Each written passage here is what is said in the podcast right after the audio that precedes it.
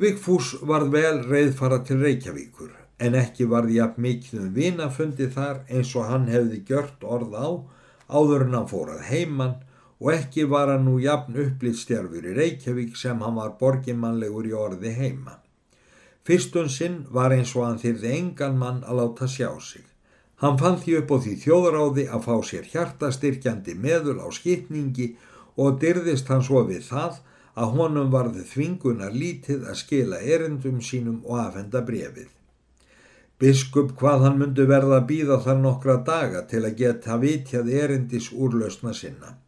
Áður fyrr hefði Vigfúsi verið svo byggð kærkomin en nú var eins og hann erið þeirri stund fegnastur sem hann komst þaðan, hann vissi að framvegismundi hann aldrei í friði ef hann nú ekki hitti Grímúlf og gjörði honum einhverja úrlausn viðvíkjandi peningakröfu hans og þó var Vigfúsi fundur hans viðbjóðslegur og vináta hans er vináta skildi kalla svo anstíkileg að hann ásetti sér helst að forðast Grímúlf sem mest. En það var hægar að segja en að gjöra því hann vissi ekkert hvar Grímúlfur var þá niður komin og gati vel skeð að þegar hann ímyndaði sér að hann væri fjarlægur þá reyni hann beinlýnis í greiparónum. Hann leti svo lítið á sér bera sem hann gat eður hafði vitsmunni til því heldur vildi nú skjáttlast varhigðin þegar hann hafði talsvert haft hagnýtt sér gesturistnu frú hálsmjóu. Vigfúr stóða sönnu ekki stóri hættu sem hann ímyndaði sér því Grímúlufu var ekki öllu betur stattur. Hann var þennan tíma ekki mikið á alfara vegi. Var það fyrir þá sög að nú voru ímser sem þurftu að vega tal við hann um dals eða tveggjadala eður hálsdalsvirði sem þeir í kærleikskinni höfðu léðonum en hann fyrir annar anríki sækir alveg glemt að fá þeim aftur. Grímúlfi var talsvert farið að hnigna í skrifstofutekninni og vera hans þar orðin sjálfgæfari. Af þessu flaut að tekjur hans voru óþægilega takmarkaðar. Um tíma hafði hann getað með undraverður í hefni fengið smá lán hjá ýmsum góðum og gömlum vinum sínum og naut hann ofta af því kænsku sinnar orðsnildi. Hann skýrskotaði líka til einn stórríka og eðalundaða vinar síns á Östurlandi sem hann sagðist eiga vissa peninga frá þegar tækifæri gæfist og þar að lútandi bref hafði grímur nokkrum sinnum borið fram sem þó voru heimagjörð en ekki austan af landi. Allt þetta var nú orðið til einskis, svo að Grímúlfi var það helst til ráða að draga sig út úr háfaða og glaumi heimsins og þó gatt hann ekki verið þar óáreittur og gefið sig í næði við yðrunarverki sínu föstum og bænahaldi. Fastan hafði að sönnu ekki verið með öllu að frjálsum vilja eða sprottin af eintómri guðrækni. Um tvo daga þegar hér segir frá því að þann tíma hafði Grímúlfur engan skilding átt til að kaupa sér bita fyrir. Ekki að síður hjælt hann gladlindi sínu og lifði í gladri vonum að eitthvað óvænt happ myndi bæta kjör sín þegar minnst varði. Með þessum eður því líkum hugsunum lág hann einn af dögum þeim sem Vigfúst valdi Reykjavík í rúmi sínu sem var ekki síður en höfðinglegt. Var hörðinni þá hrundið upp og komin inn maður unglegur. Hann var sonur efnabónda eins þar í bænum og hétt Torgrimur. Það var mikið að maður getur um síðir fundið þig, saðan. Ertu nú farin að fela þig eins og refur í hólu svikadólgurinn þinn? Þér varð ekki að því, ég fann þig samt. Gjörðu nú annarkort, borgaðu strax fjögur mörkin sem ég áhjá þér, ellega skal ég lúberja þig. Að ég látt ekki svona þorgrifum minn, þú veist ekki að ég er sárlasun og búin að liggja í marga daga og ætlu sért ekki dáli til lasin, Þú ert lasin af svikum og prettum, ljúðu engu að mér en borgaðu skuldina. Sérðu ekki á mér, maður, að ég veri lasin? Líti andleitið á mér. Ég er ekki orðin nema beinin tóm og svo er ég búin að eigða þessum skildingum sem ég átti. Fyrir meður, þó hefur þau hjarta til að krefja mig þessum kringumstæðum. Það er hörmuleg sinn, Þorgrimur. Já, grannleitur ertu, það er að sönnu satt en þetta getur skeið að þú hefur verið lasin, en ég þarf nú að fá mína skuld eigi að síður. Ég hef nú sem stendur engan skilding, það er ekki lengi að fara hvert spesíu virði fyrir þessi meðul og þó þau sé nú ekki dýr meira að segja, þá þurfti ég nú nöðsynlega að kaupa mér styrkjandi mikstúru en get ekki. Það væri nú kærleiksverk af því þorgrifum minn að lána mér fyrir því svo ég kæmist nú því fyrir til hilsu. Ég miss ekki svo lítils við að liggja svona eins mikið og er nú að gjöra á skrifstofunni. Þar er ég nú ekki lengi að vinna mér hvern dalinn. Fógetinn var að tala um það í sömar einu sinni að hann áliti þig, einhvern efnilegast og hjartabesta úlingin hér í bænum. Það er ekki gott að hrinda því góða mannorði af sér með því að breyta þvert á mótið í. Var fógetinn að tala um það? Segjur þetta satt? Víst er það satt og ég samsyndi því strax og sagði að þú hefðir oft gjört mér þénustu. Velverðunum fyrir það sagðan. Láttu mig vita grímúlfur ef hann þorgrímur byður þig einhver sem þú getur ekki. Ég skal hjálpa þér ef ég á þá skilding. Og þarna sérðu að ég á þá menn að sem ögn hafa að segja. Nú og svo vonast ég nú eftir því á hverjum deginum að fá þessa 50 dali sem hann Signor Vikfúsvinnu minn hefur lofað mér. 50 dölum, sagður það? Víst sagði ég 50 og það getur líkorði meira eftir vill. Ég get nú alla að trúa þér grímúlfur að þú fáir 50 dalir frá einu manni. Já það er undarlegt og skulir engja mig svona um það sem ég segi þér þó satt. Hérna get ég sínt hér það svart á kvítu, lít á, þetta bref fekk ég seinast frá honum. Grímúlfur rétti að þorgrimi bref og stóð þar í eins og hann hafði sagt, en brefi var nú reyndar eitt að heima gjörningunum hans sem hann hafði búið til til vonar og vara. Hvað, hann, hann heitir Vigfús, þessi blessaður vinnurðinn.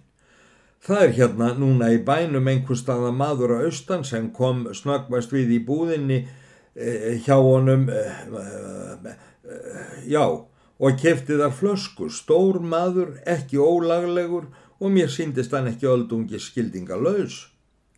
Segðu nú sæl sögu Þorgrimur. Það lítur líklega út fyrir að þetta sé að vekkfús vinnu minn, vöxturinn og peningaböttan sínist með vittna um það.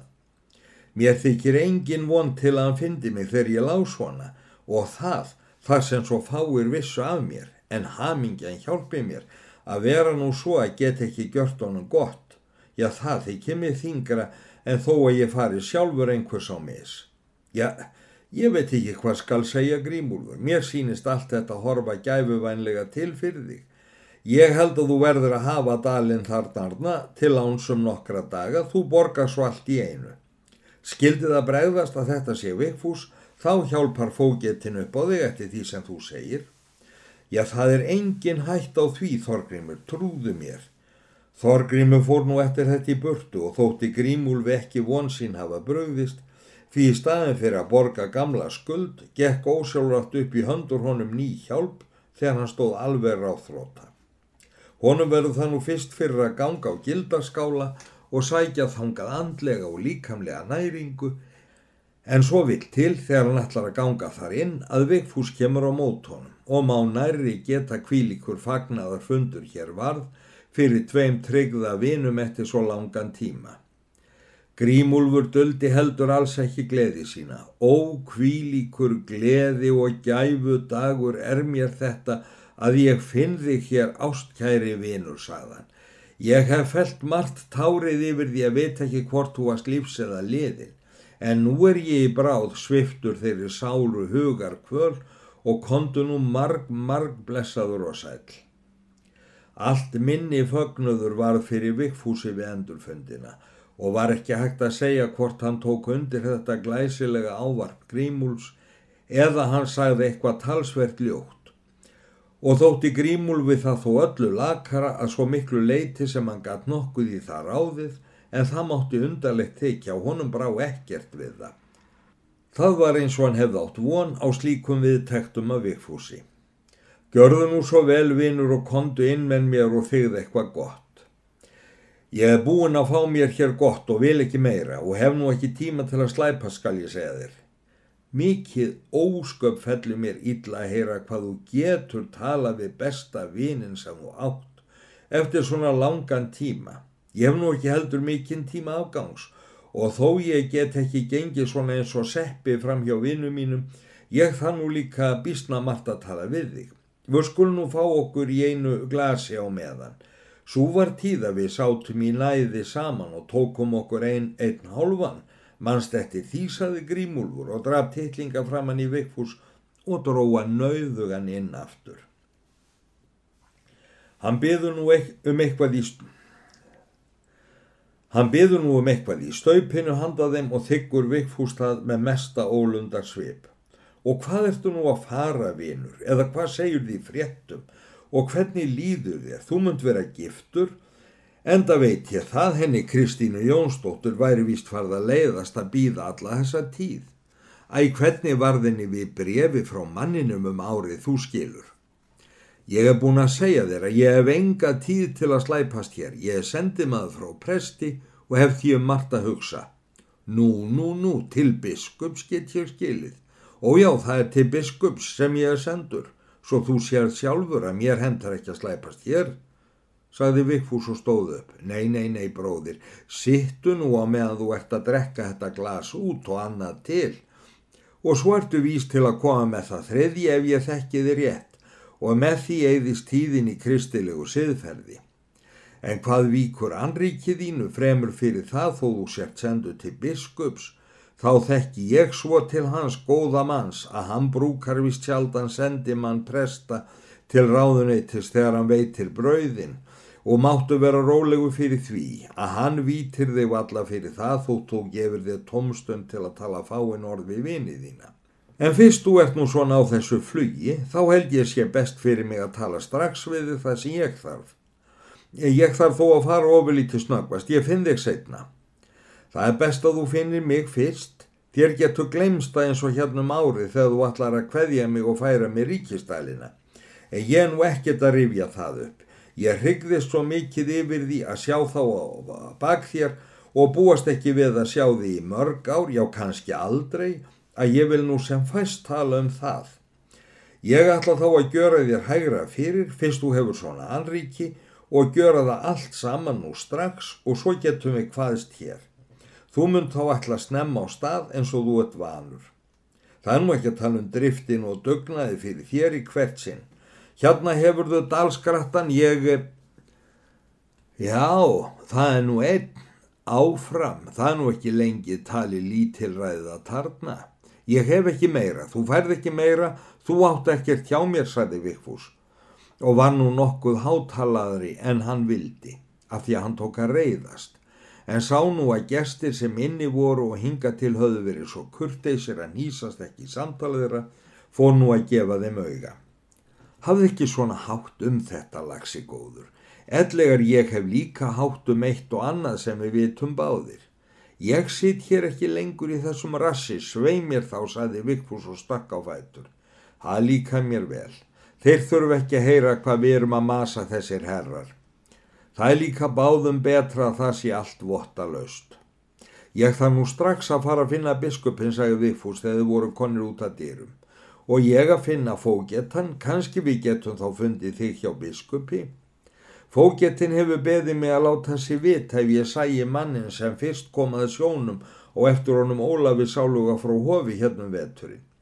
Ég hef látið hann skilja ég kannski þekkt eitthvað til hans. Hvað hundurinn þinn hefur þau sagt fókjartanum allt bölf? Nei, nei, nei, ekki svona hátt. Ég hef ekki sagt honum stórt en þá en það getur nú lagast ef þú vilt. Ef ég vil, heldur því ég viljið að þoskast að sni...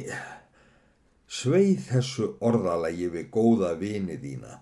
Það brúka ég aldrei. Ég þarf að sjá hvað þú vilt þegar þú ert búin að greiða mér rentur á þriðja eða fjórða lið af ríkistalnum þá sé ég að þú vilt að ég þegi og það skal ég með heðri og sóma að gjöra. Og verðu vissum það. Allar þú að drepa mig mann, mann grei og lanti frá. Verðu óhættur, ég skal ekki skera á stjórafærið í dag. Við þessi orð hrökk Vikfús saman í köðung, lit hafðist allt um kring, hvort enginn hefði heyrt hvað Grímúlfur sagði, þreif ofan í vasa sinn eftir peningabötu og taldi í lofa hans nítján dali. Já, já, já, nú sé ég að þú ert maður með öllu viti, en heyrðu allar að stinga bötunni niður strax, það er ekki búið allt ennþá. Þú fand, Þú nefndir ekki nema 20 dali í setna brefinu, það mann ég þó. Það mann ég líka, en getur það ekki komist í spekingshöfuðið á þér að það hefur nú talsvert aukist síðan, en hvað dugar að vera að tala um það við þig? Ég er orðin þreyttur, það eru nú réttir 50 dalir sem ég áhjá þér, nú hef ég fengið 20. Það er ekki meira en fyrir prettin og vináttur ofið í þér. Fókettin blessaður hefur lofað mér 50 dölum úr besta silfri út í hönd ef ég segja honum til mannsins og nú er mér það innan handar og verður nú sæl.